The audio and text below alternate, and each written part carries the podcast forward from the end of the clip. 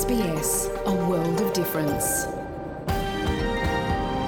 You're with SBS Dutch on mobile, online and on radio. Dit is SBS Dutch op mobiel, online en op radio. Graag erkennen wij de traditionele eigenaren en verzorgers van het land, van waar we vandaag SBS Dutch uitzenden, en uiten we ons respect aan de Camaragal mensen van de Kurungay Nation en hun ouderlingen uit het heden en het verleden. Ook kennen we de traditionele eigenaren van alle Aboriginal en Torres Strait Islander landen, van waar u vandaag naar ons programma luistert.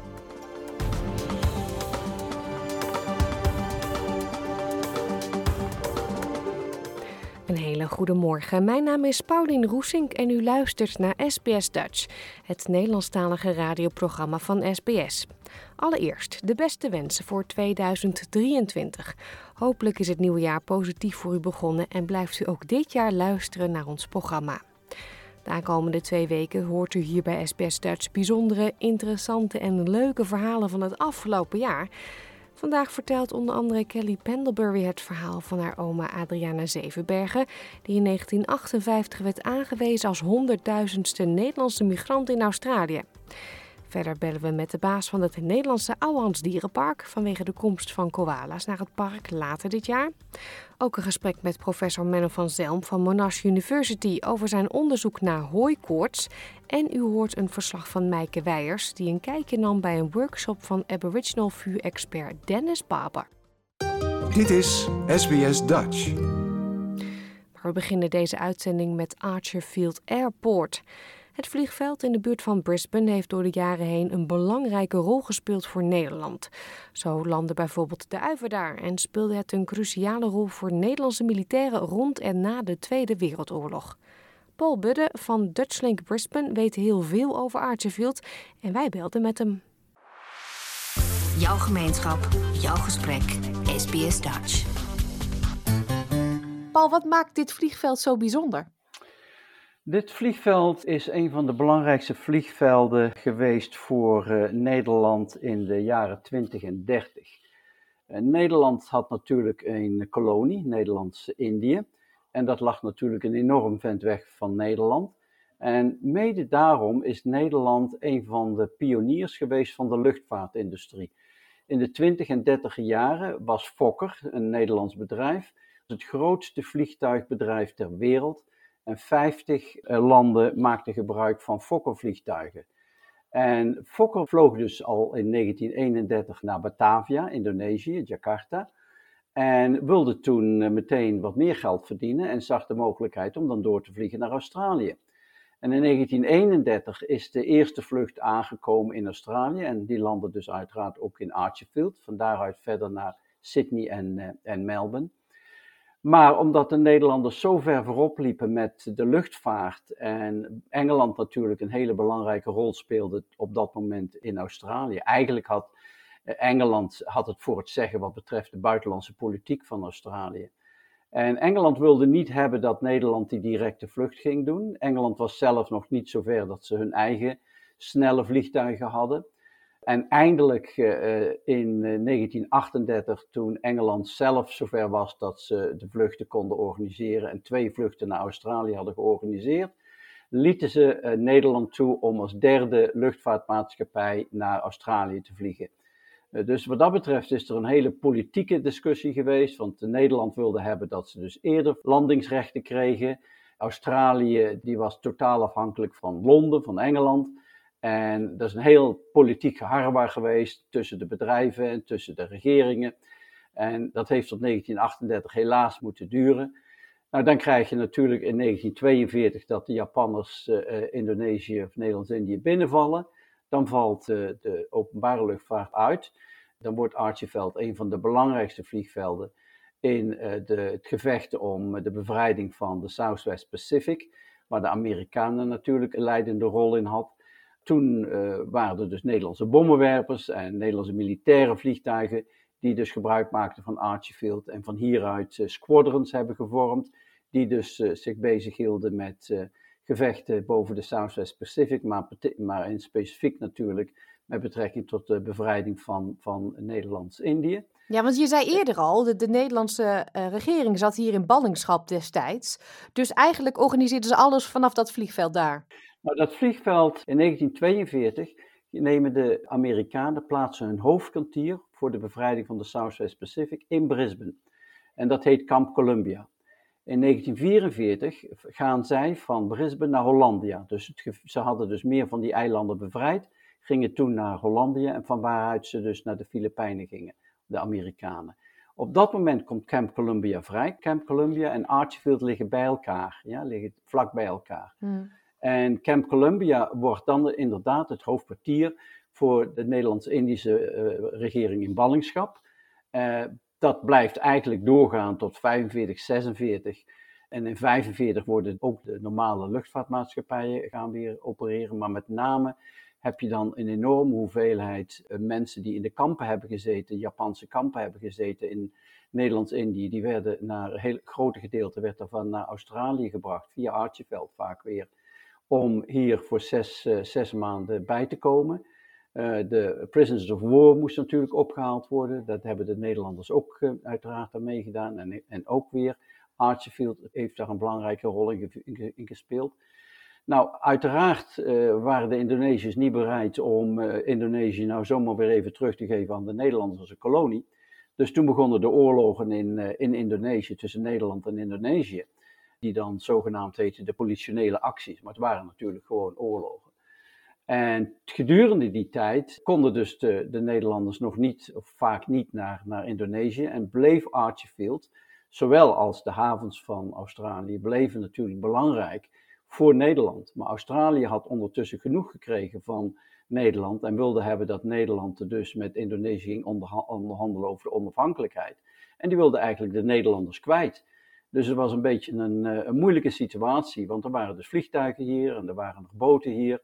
Uh, maar uiteindelijk is in 1947, in september 1947, is het laatste vliegtuig van Archfield uh, vertrokken naar, naar Indonesië. En hield dus het gebeuren van de militaire activiteiten op Archfield en Camp Columbia toen op. De publieke luchtvaart die heeft het vliegveld nog gebruikt tot 1949. Maar uh, uiteindelijk was het natuurlijk niet meer mogelijk om via Batavia, via Jakarta te vliegen, want Indonesië werd onafhankelijk. En toen is dus in feite de belangrijkheid van Australië en de Australische luchtvaart enzovoorts was niet meer uh, nodig. En uh, ja, later uiteraard krijg je dan dat de KLM naar Sydney gaat vliegen enzovoorts. Maar dan ben je natuurlijk ben je alweer in de jaren 60. Ja, maar Archerfield, daar hebben wel hele historische vluchten plaatsgevonden.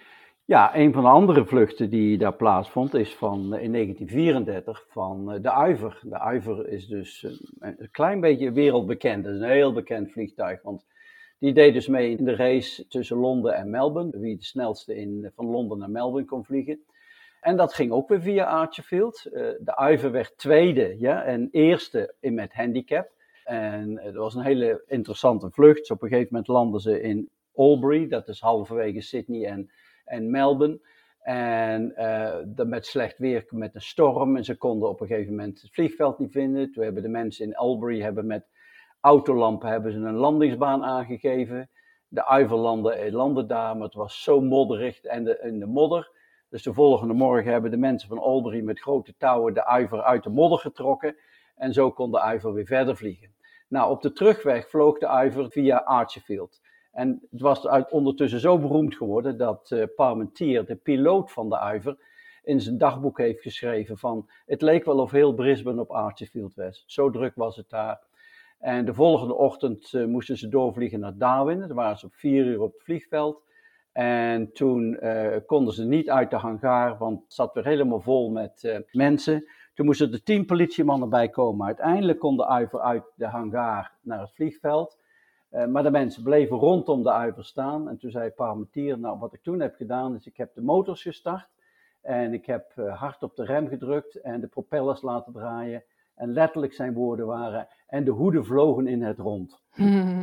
ja, je moet toch wat dat je er langs wil, hè? oh, jongen, jongen, jongen. Een ander leuk ding is dat ze kregen cadeau een, een kleine eh, een wallaby. En uh, uiteraard, die Wallaby ging in de cabine, niet in, de, niet in het vrachtruim. Dat kon helemaal niet, was, er nog niet eens. Dus die uh, Wallaby die liep gewoon vrij rond door de cabine. En deed uiteraard zijn behoefte links en rechts. En ja, dat was toch niet erg, uh, erg plezierig.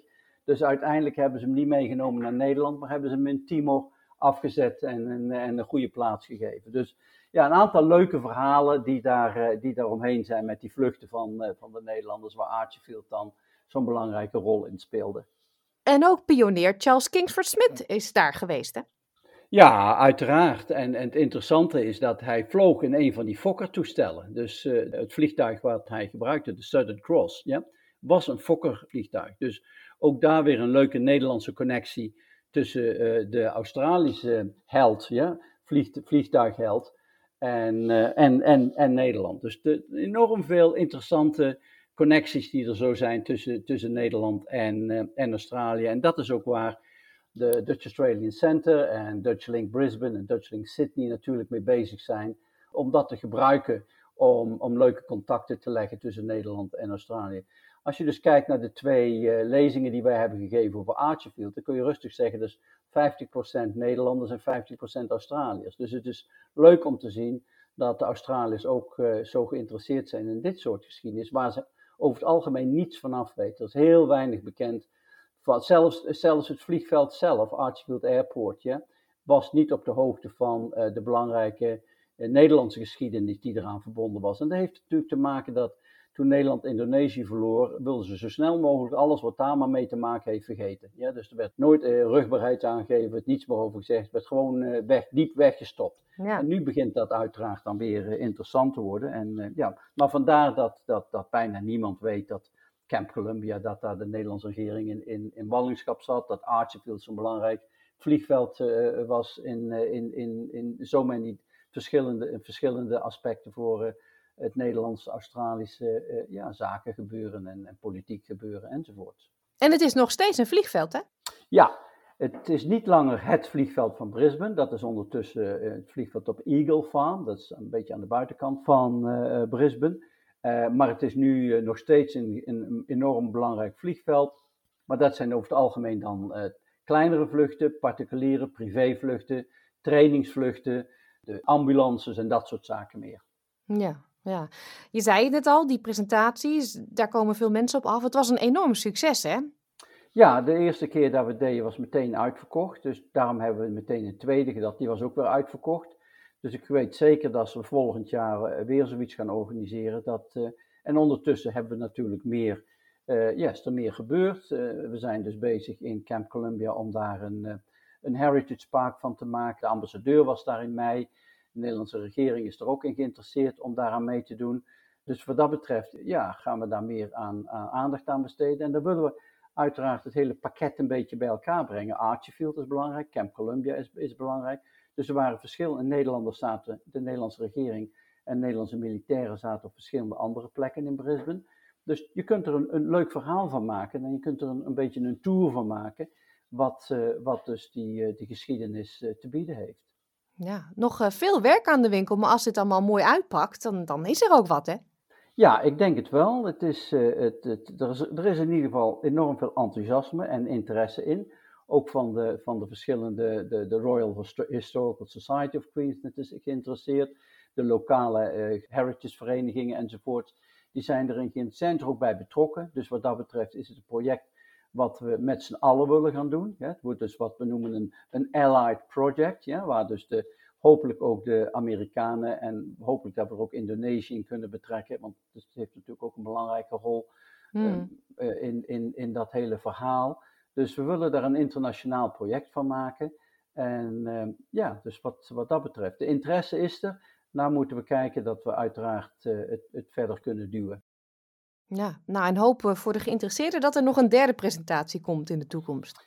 Gegarandeerd, want toen we in Camp Columbia waren, uh, was ook uitverkocht. 75 man, kon er ook niemand meer erbij hebben. Dus wat dat betreft is dat ook een kwestie van, er zijn nog mensen die daar uh, gegarandeerd die dat nog niet weten en wel geïnteresseerd zijn. Dus uh, ja, dat gaan we volgend jaar zeer zeker gaan we daar nog wat verdere activiteiten omheen hangen. Dankjewel Paul. Uh, dankjewel dat je het allemaal weer hebt willen vertellen. Weer een stukje Nederlandse geschiedenis in Australië. Ja, het is hartstikke leuk om dat te doen. In 1958 was Adriana Zevenbergen 27 jaar oud en verhuisde ze met haar gezin van Nederland naar Melbourne. Ze was daar de honderdduizendste Nederlandse migrant in Australië en werd daarom volop in het zonnetje gezet. Adriana leeft helaas niet meer, maar volgens haar kleindochter Kelly Pendlebury was ze er trots op en vertelde ze er graag over. Dit is SBS Radio Dutch. Kelly, let's talk about your grandmother, Adriana Zevenbergen. Um, She appeared online the other day, and I thought, oh, what a great picture, because she was the 100,000th Dutch migrant to Australia. She was, and it was something that she was very proud of for all of her life. Been the thousandth Dutch migrant to Australia. Yeah, did she talk about it a lot?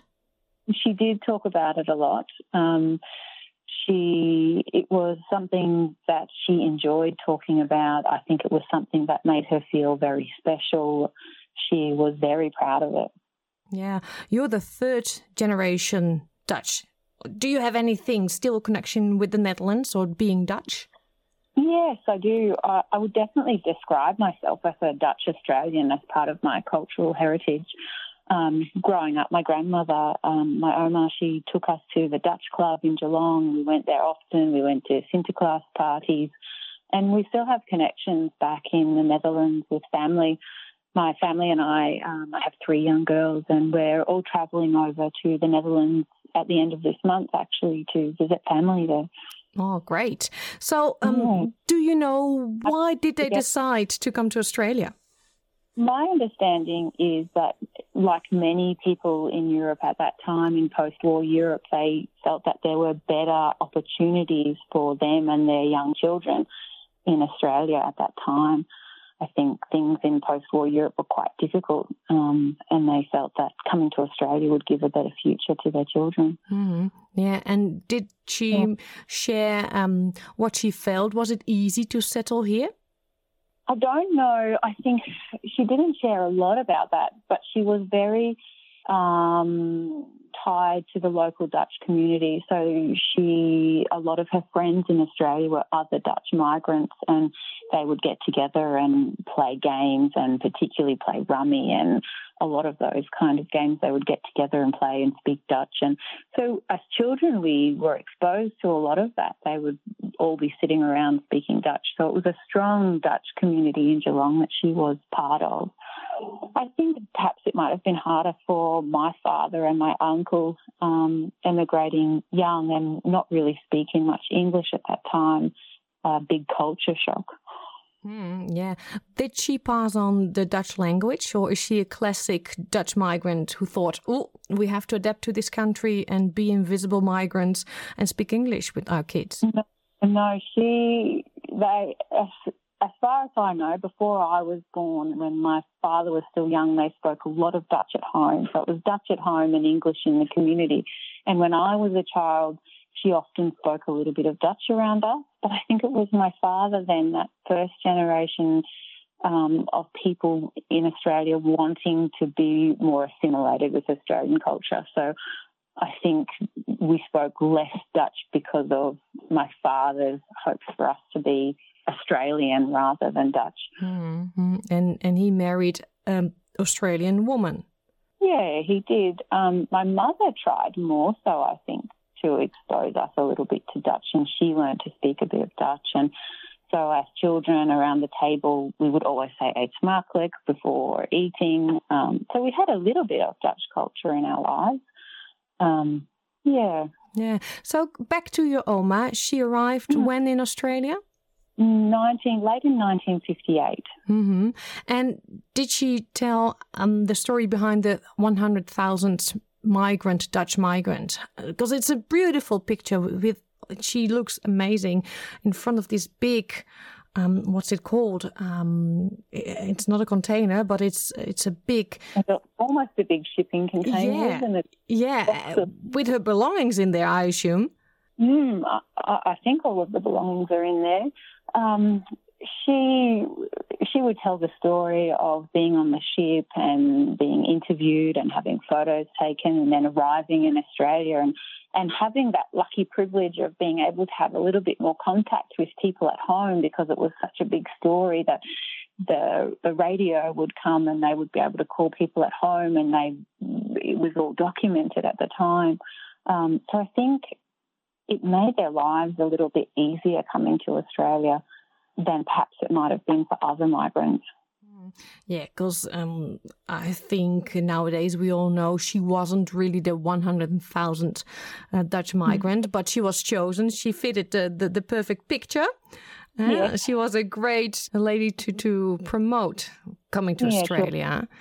A beautiful young woman with a handsome husband and two young children. Um, and I think it, it, it was a beautiful picture to try to encourage more people to migrate to Australia at the time. Yeah, so she mm. was used for commercial purposes. Actually, mm, let's let's call it like that, right? Uh, but but did she get did she get anything else out of that, like privilege uh, or a, a better house or anything? I, I, do believe so. I think they never had to live in migrant um, in the migrant community. They they had a house, a, a lovely home on the river in Geelong.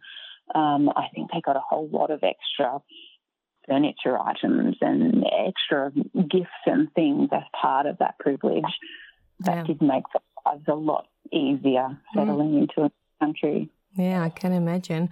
Well, I can imagine that she was very proud because it's a, it's a beautiful picture, and um, yeah, it's a great memory for you, for your family. Yeah, beautiful memory for us and our family, and to think about how proud she was of that. We have such a collection of images that were taken at the time. Um, because it was so well documented. Um, there are so many beautiful pictures of her and my grandfather and um, my father and my uncle as well. Mm-hmm. They both passed away, unfortunately. Yeah, they did. My opa, he died quite suddenly in 1983. Um, he had a, a heart attack. Um, and my oma kept living in Geelong in the same house, and she passed away in 2006. Mm-hmm. Did she have mm. um, a, a, happy life here in Australia? Yeah, I think she did. I think um, I think it was difficult for her after my opa passed away. Um, but the family did keep growing at that point in time. My dad um, had more children, and my uncle had children, and they had a third son who was born in Australia, and he had children too. So she had a lot of family around her. Um, but I think it was hard for her after my opa passed.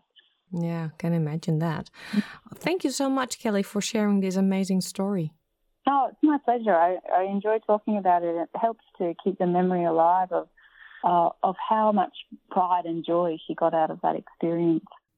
Gaan we verder met een van de meest iconische dieren die Australië rijk is. Ouwehans Dierenpark krijgt later dit jaar als eerste dierentuin in Nederland koala's. In eerste instantie komen er drie koala's naar Renen, waar ze onderdeel zullen uitmaken van de Australia Experience. Wij belden met directeur Robin de Lange en vroegen hem waarom Ouwehand zo graag koala's in zijn park wil.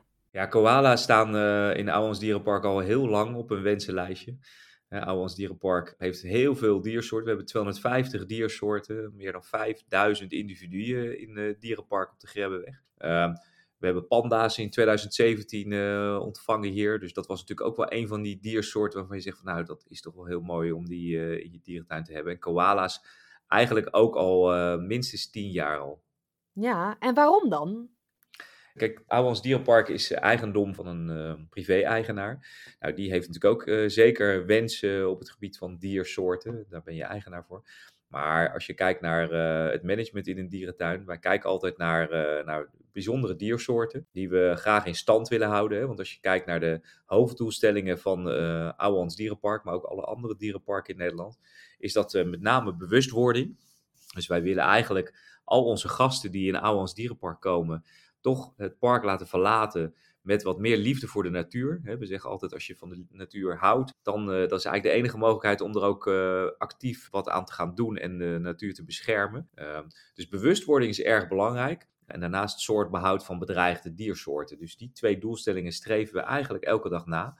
En als we dan zo gaan kijken welke diersoorten zouden daar nou bij passen, nou, dan zoek je dus naar dieren die ja, helaas dus bedreigd zijn. Nou, dat zijn er eh, ook helaas steeds meer in de wereld. Hmm. Uh, dus bedreigde diersoorten waar fokprogramma's van zijn, hè, met name in Europa. Er zijn natuurlijk allerlei Europese dierentuinen die samenwerken en die proberen de soort in stand te houden.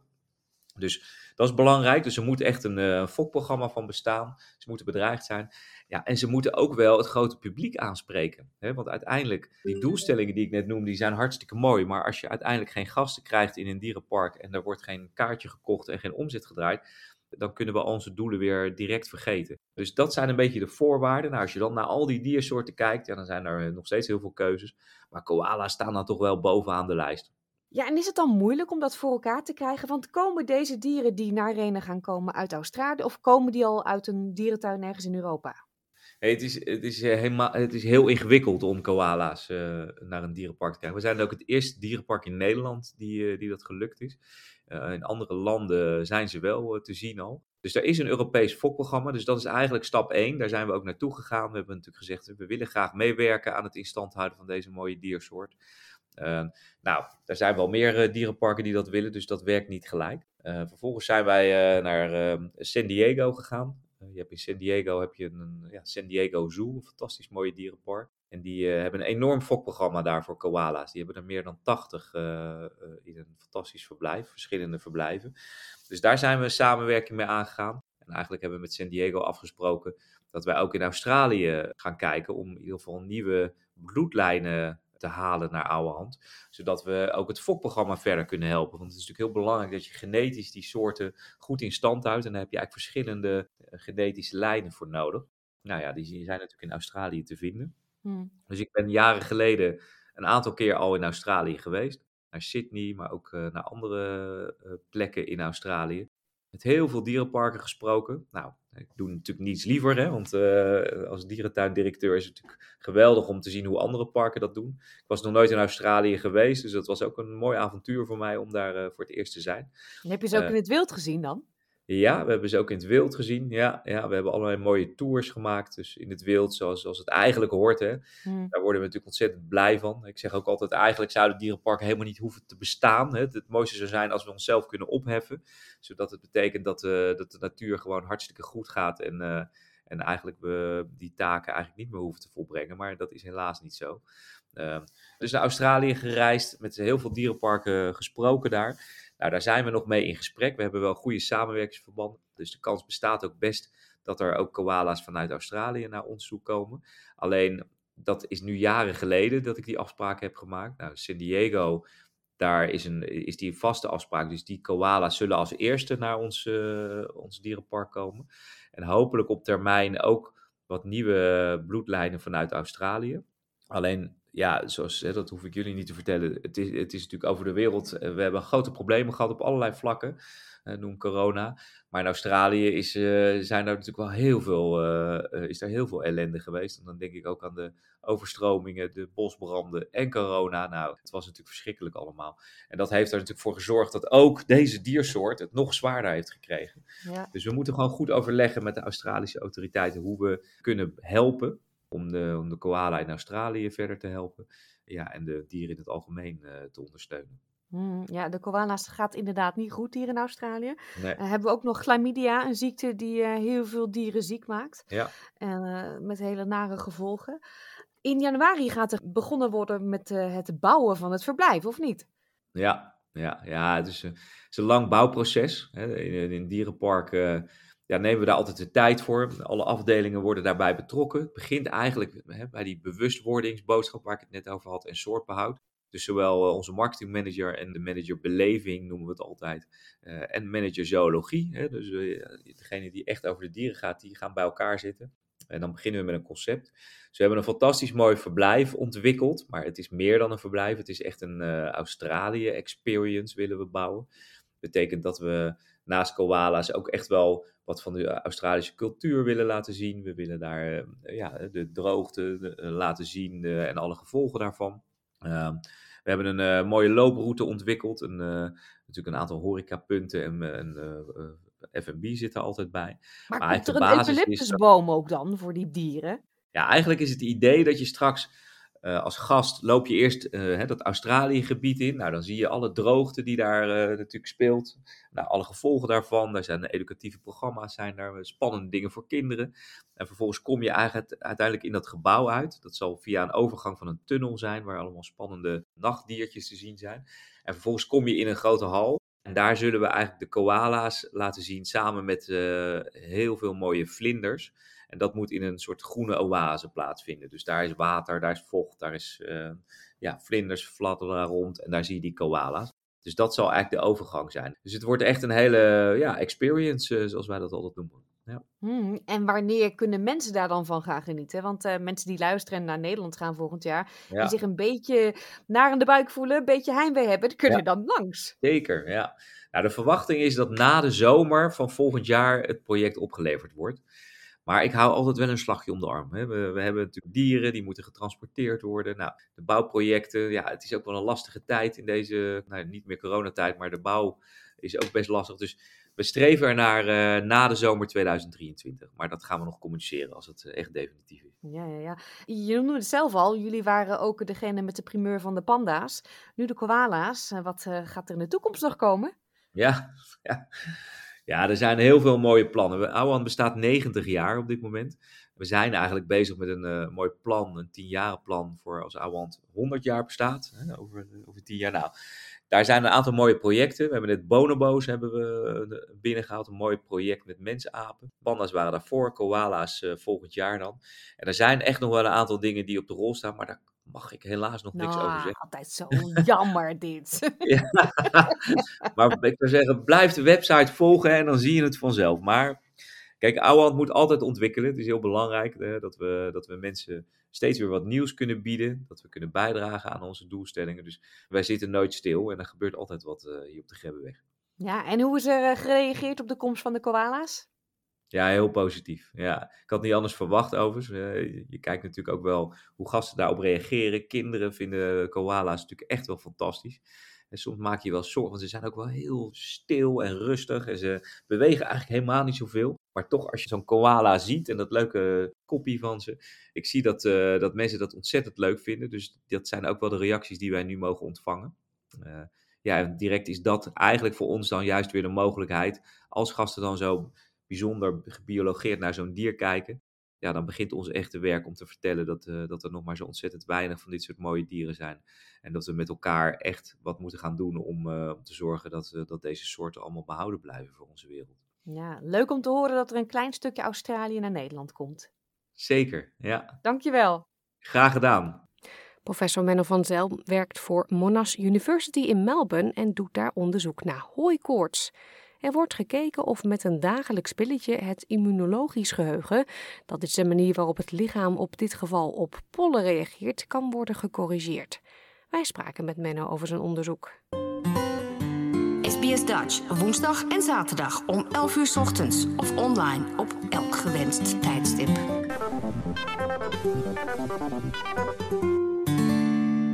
Hooikoorts is een uh, symptoom eigenlijk. En dat is uh, irritatie aan de bovenste luchtwegen. En het komt door een allergische reactie.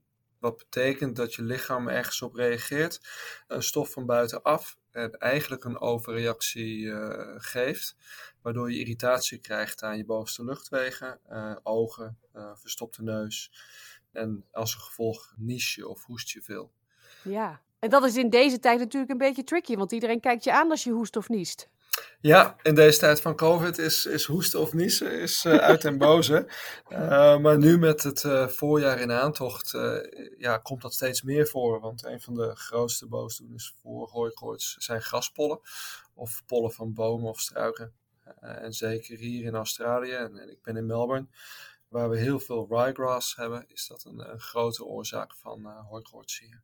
Ja, en Monash University, daar werk jij voor. Jullie hebben onderzoek gedaan hè, om te kijken of je een oplossing kon vinden voor al die mensen die altijd die jeukende ogen hebben en snotterige neuzen. Ja, dat klopt. Wij, wij doen onderzoek in uh, mijn laboratorium naar uh, immunologisch geheugen. Wat is dat? Uh, dat is uh, het immuunsysteem wat wij hebben. Dat reageert natuurlijk op, op stoffen en met name op bacteriën, virussen die je niet in je lichaam wil hebben. En het bijzondere eraan is dat als het lichaam ergens tegen heeft gereageerd, dat dat, datgene onthoudt. En dan een tweede keer uh, sneller en sterker reageert. Het probleem is alleen als we een verkeerde reactie geven, zoals tegen uh, graspollen in dit geval, dan onthouden we ook die verkeerde reactie. Dus als je eenmaal allergisch reageert, dan eigenlijk blijf je dat doen bij elke nieuwe ervaring uh, met datzelfde stofje. Ja. Uh, en dat immunologisch geheugen, dat bestuderen wij, want we hebben het nodig. Uh, maar we willen het eigenlijk ook corrigeren wanneer het misgaat. Uh, en allergieën zijn daarin heel belangrijk, want dat is een heel veel voorkomend probleem. ik denk dat wel 30% van de westerse bevolking een allergie heeft. Mm -hmm. En dan heb je het over allergieën in het algemeen, niet specifiek hooikoorts natuurlijk. Nee, dat is hooikoorts. Uh, hooikoorts is ook vaak gerelateerd met astma, want dat betekent eigenlijk dat, dat uh, de, de luchtwegallergenen dieper in de longen komen. Maar je hebt ook uh, insectengif, zoals bijengif, wespengif en ook voedselallergieën, die natuurlijk hele andere symptomen geven, maar eigenlijk hetzelfde onderliggende immunologisch probleem hebben. Mm -hmm hier in Australië hebben we natuurlijk hele andere eh, flora en fauna dan in Nederland bijvoorbeeld. Hebben mensen hier ook meer last van bijvoorbeeld hooikoorts, omdat hier eigenlijk altijd wel iets in bloei staat? Ja, dat is een goede vraag. Um, eigenlijk is de fauna hier niet zo uitdagend voor ons. Het zijn met name de, de windloeiers die problemen geven. En dat zijn bijna allemaal geïntroduceerde soorten hier in Australië. Dus eigenlijk hebben we het probleem zelf met ons meegenomen. Uh, en is het, is het hier verergerd, uh, waarschijnlijk ook door de weersomstandigheden. Mm -hmm. Ja, nou is er goed nieuws, want jullie zijn een tabletje eigenlijk op het spoor die, uh, die goed zijn werk doet, waardoor mensen minder symptomen hebben. Ja, dat klopt. ik, ik zal niet krediet nemen voor het tablet. Dat is een, wat we hier noemen prescription medication. Dus dat kun je op, op schrift krijgen van, van de dokter. En dat zijn uh, tabletten die uh, kleine hoeveelheden, in ons geval uh, graspollen, bevatten. En als die dagelijks worden ingenomen, en dit zijn tabletten die onder de tong gelegd worden om op te lossen, worden de kleine hoeveelheden graspollen opgenomen door het lichaam. En op zo'n manier dat het immuunsysteem getraind wordt om niet meer te reageren. Um, nu duurt het over het algemeen heel lang en, en zijn er minimaal drie jaar nodig van, van dagelijkse opname van die tabletten om dat immuunsysteem opnieuw te trainen en de allergische respons, de allergische reactie uh, te verminderen. Hmm. Is dit iets wat je kan doen uit voorzorg? Hè? Laten we nog even COVID aanhalen. Heel veel mensen hebben zich laten vaccineren en dan krijg je natuurlijk een beetje COVID-19 in je gespoten, zodat je lichaam daaraan gewend is.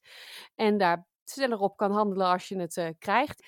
Um, je zegt het is hetzelfde, er zitten wat pollen in die pil. Werkt het dan ook uit voorzorg of is het echt voor mensen die al last van hooikoorts hebben? Nee, het is echt voor mensen die last hebben. Uh, in tegenstelling tot, tot met, met COVID, waarbij het lichaam eigenlijk voor het eerst kennis laat maken, is de bedoeling van dit tabletje om een uh, immuunrespons te veranderen. Eigenlijk de eerste jaren na onze geboorte worden we natuurlijk al uh, blootgesteld aan graspollen. Dus het immuunsysteem ziet dat dan. En in die mensen waarbij de verkeerde reactie ontstaat, willen we die aanpassen. Dus, dus die opname van de tabletten zijn eigenlijk om die immuunreactie uh, langzaamaan van richting te laten veranderen, zodat het naar een, uh, een milde respons gaat in plaats van naar de heftige respons die je bij een allergische reactie ziet. Nou, ik heb wel eens gehoord dat je een uh, allergie van de ene op de andere dag kan krijgen. Dat je eigenlijk altijd pinda's hebt kunnen eten, maar dan in één keer er allergisch voor blijkt te zijn. Klopt dat? dat kan. Pinda's is denk ik niet het juiste voorbeeld. Uh, hooikoorts is daar wel echt één van. Want heel veel allergieën uh, beginnen al in de kinderperiode. Maar hooikoorts heeft een peak onset, zoals we dat noemen, van uh, ja, early adulthood. Dus tussen de 18 en de 25 jaar. En ik kan erover meepraten. Ik weet nog dat ik op mijn fiets naar mijn werk reed in Rotterdam. En plotseling gewoon niks meer kon zien. En enorm moest hoesten en niezen. dat is mijn eerste herinnering van een hooikoortsaanval. En tot die tijd had ik nergens last van. Nee. Dus dat is inderdaad waar. En waarschijnlijk is dat de blootstelling onder bepaalde condities. En luchtvervuiling wordt er heel erg mee, mee geassocieerd. Of een andere vorm van uh, irritatie. Ja. Het pilletje wat we net al noemden, dat is getest bij mensen, hè? Ja, dat is getest. Uh, er zijn hele grote uh, internationale trials voor geweest. En we weten daarvan dat het werkt in, in veel mensen, maar niet in iedereen. Uh, maar dat het ook echt jaren duurt voordat dat gemeten kan worden. Mm en wat wij nu gedaan hebben is uitgebreide immunologische analyses in het bloed van vrijwilligers. Uh, om te kijken of we al na vier maanden veranderingen in het immuunsysteem kunnen zien. En we hebben daar inderdaad veranderingen gevonden. En die blijken heel erg geassocieerd zijn met een, een goed effect. Dus we hopen dat we nu al vroeg kunnen meten, dus na één keer vier maanden therapie, of het gaat werken. Want dan weten we dat we die patiënten bij wie het werkt, het zin heeft om het door te zetten. En bij diegene waarbij het niet werkt, te kijken naar andere vormen van uh, behandeling. Mm -hmm. Hoe lang gaat dit onderzoek nog door? En denk je daar een, uh, een uitsluitsel over te kunnen geven? Want ik kan me voorstellen dat mensen met hooikoorts nu echt denken: halleluja, ik wil zo'n tabletje. ja, zoals wij zeggen, onderzoek gaat altijd door. Uh, en er zijn een aantal richtingen wat wij denken heel belangrijk is, is om te kijken of diezelfde immunologische markers ook bij andere vormen van uh, allergie te vinden zijn. Dus we zijn nu ook aan het kijken naar behandeling voor, voor bijgif uh, immunotherapie uh, en immuuntherapie voor huisstofmijt. Wat ook een, belangrijke oorzaak voor rhinitis dus, en astma is. Hmm. Dus daarmee willen we het breder trekken. Uh, maar we zijn ook aan het kijken om dit te, te commercialiseren. Om te kijken of dit als een, een, diagnostische test kan worden gebruikt. Zodat het kan worden toegepast bij patiënten. Maar vooral ook in, in trials voor nieuwe medicatie. Uh, want nu hebben we eindelijk een methode om te kunnen kijken of een nieuwe medicatie beter werkt dan een oude medicatie of niet. Mm. Dus dan kunnen we de therapie hopelijk beter maken, zodat meer mensen uh, een gunstig effect hebben. En hopelijk ook dat het uh, in kortere tijd al kan werken. Mm -hmm. Maar in ieder geval dit voorjaar nog niet voor het grote publiek. Nee, nee nog niet. Uh, maar zeker de moeite waard om met de allergie-specialist te praten. Uh, en om te kijken of in, inderdaad in aanmerking kan komen om dit te nemen volgend jaar. want dan zou je in april, mei kunnen beginnen met het slikken hiervan. Zodat de volgende pollenseizoen je beschermd bent. Ja, en dat gaat dus via je eigen dokter? Ja, het moet via de dokter. En het is denk ik heel belangrijk om, om er zeker van te zijn welke allergie je hebt, tegen welke uh, pollen of, uh, of andere stof je allergisch bent, zodat de juiste behandeling kan worden gestart. Dankjewel. Menno van Zelm. Graag gedaan. Australië kent lange gevaarlijke bosbrandseizoenen. Om grote bosbranden te voorkomen, brandt de brandweer preventief grote stukken bos af. Maar de inheemse Aboriginal gemeenschap pakt het anders aan en wil dat meer Australiërs hun voorbeeld volgen. Dennis Barber is een Aboriginal vuurexpert. Op Birkenburn Farm in de buurt van Canberra geeft hij workshops om zijn kennis te delen. Onze verslaggever Mijke Weijers nam mij vorig jaar een kijkje. Stand up. Een vuur maken zonder aansteker is niet gemakkelijk. Ja. Daar komt er ook. Met z'n vieren draaien ze om de beurt zo snel mogelijk een stok rond op een bergje droog gras.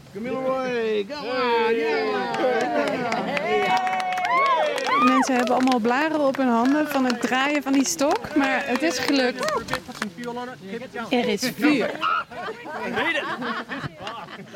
Het is allemaal onderdeel van de training traditioneel branden, de manier waarop de oorspronkelijke bevolking van Australië al eeuwenlang voor het land zorgt.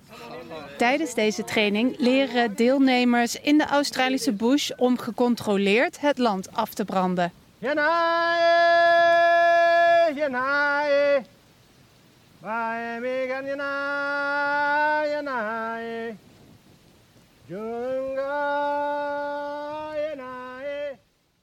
Dennis Barber zingt een Aboriginal lied over vuur. Barber is een Aboriginal vuurexpert en hij leidt de training.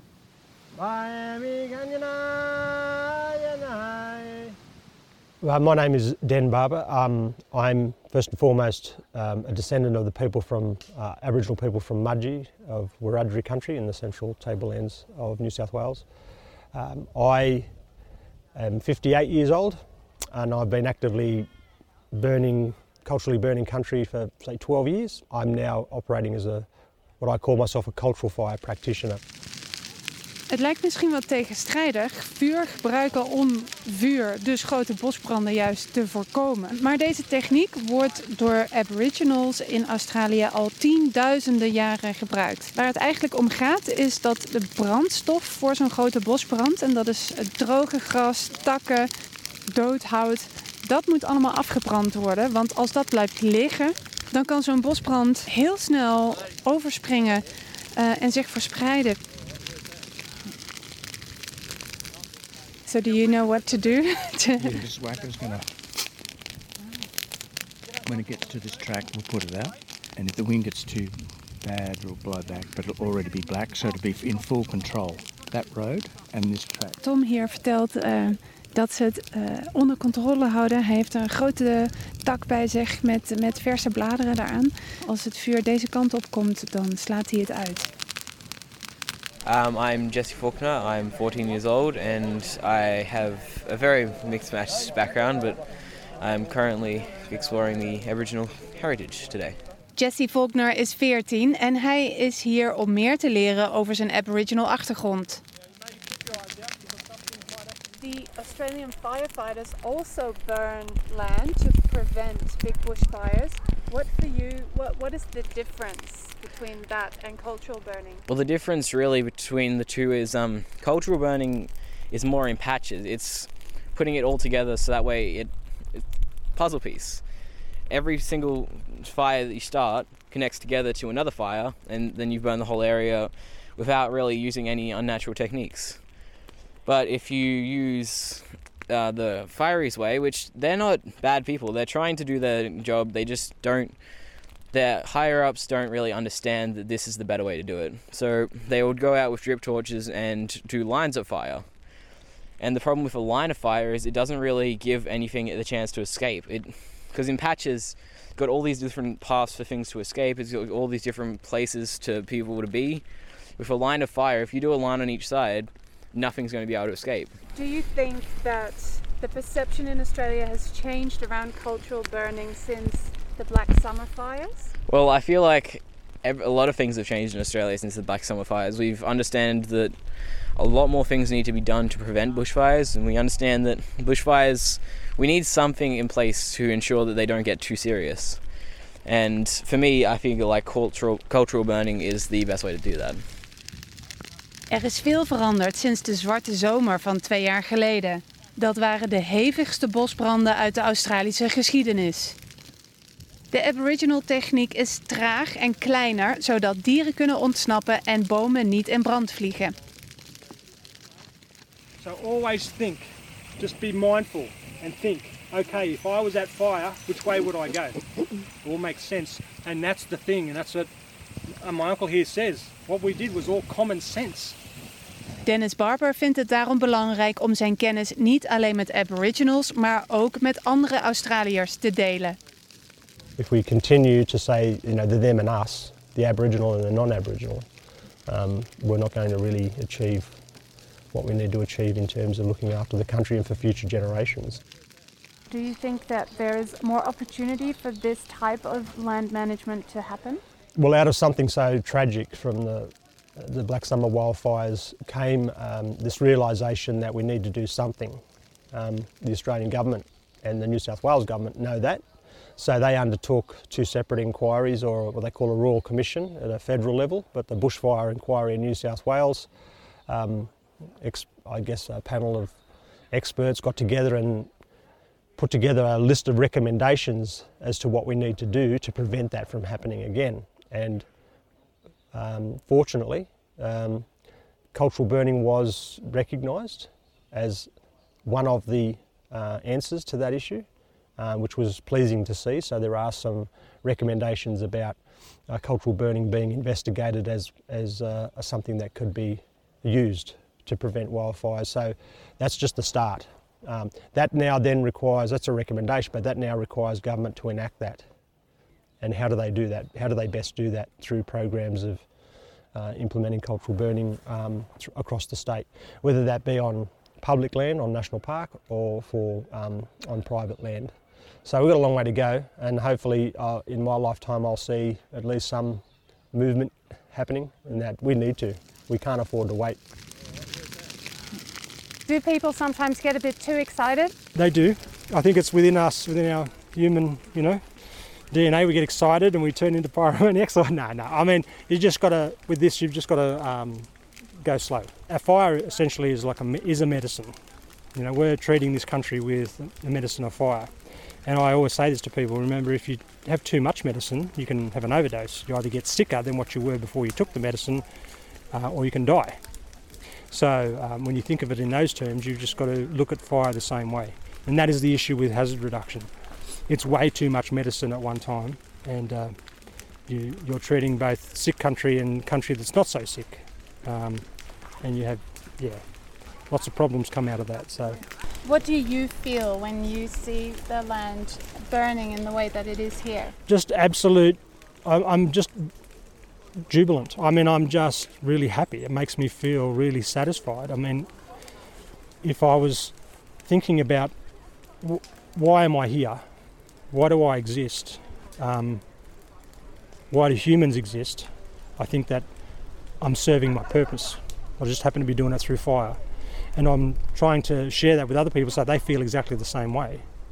And there's nothing more powerful than that. So I always come. I'm on, I'm on a high. No drugs involved. I'm just I'm just on a natural high. I really am. And I and to see the reaction from people, and their conversations that they're having, and their eyes opening up and going, wow. And no one here is panicking. I mean, there's a few little hairy moments there. We get that, but that's that's a good lesson because it says, well, we can do this, but we still got to be mindful about how we do it and how quickly, and you know where we put fire and all that sort of thing. So, I I uh, am a lucky man doing what I do. Tot zover deze aflevering van SBS Duits. Wilt u deze uitzending of een van onze eerdere verhalen of series terugluisteren? Ga dan naar onze website www.sbs.com.au Dutch. Dit kan trouwens ook via de gratis SBS Radio app. Dit is heel handig voor op uw smartphone of tablet en is gratis te downloaden in de App Store of Google Play. Hiermee komen we aan het einde van deze woensdag uitzending van SBS Dutch. We sluiten af met Als het vuur gedoofd is van Akda en Munnik. Zaterdag zijn we er weer. Heel graag tot dan. Like, deel, geef je reactie. Volg SBS Dutch op Facebook.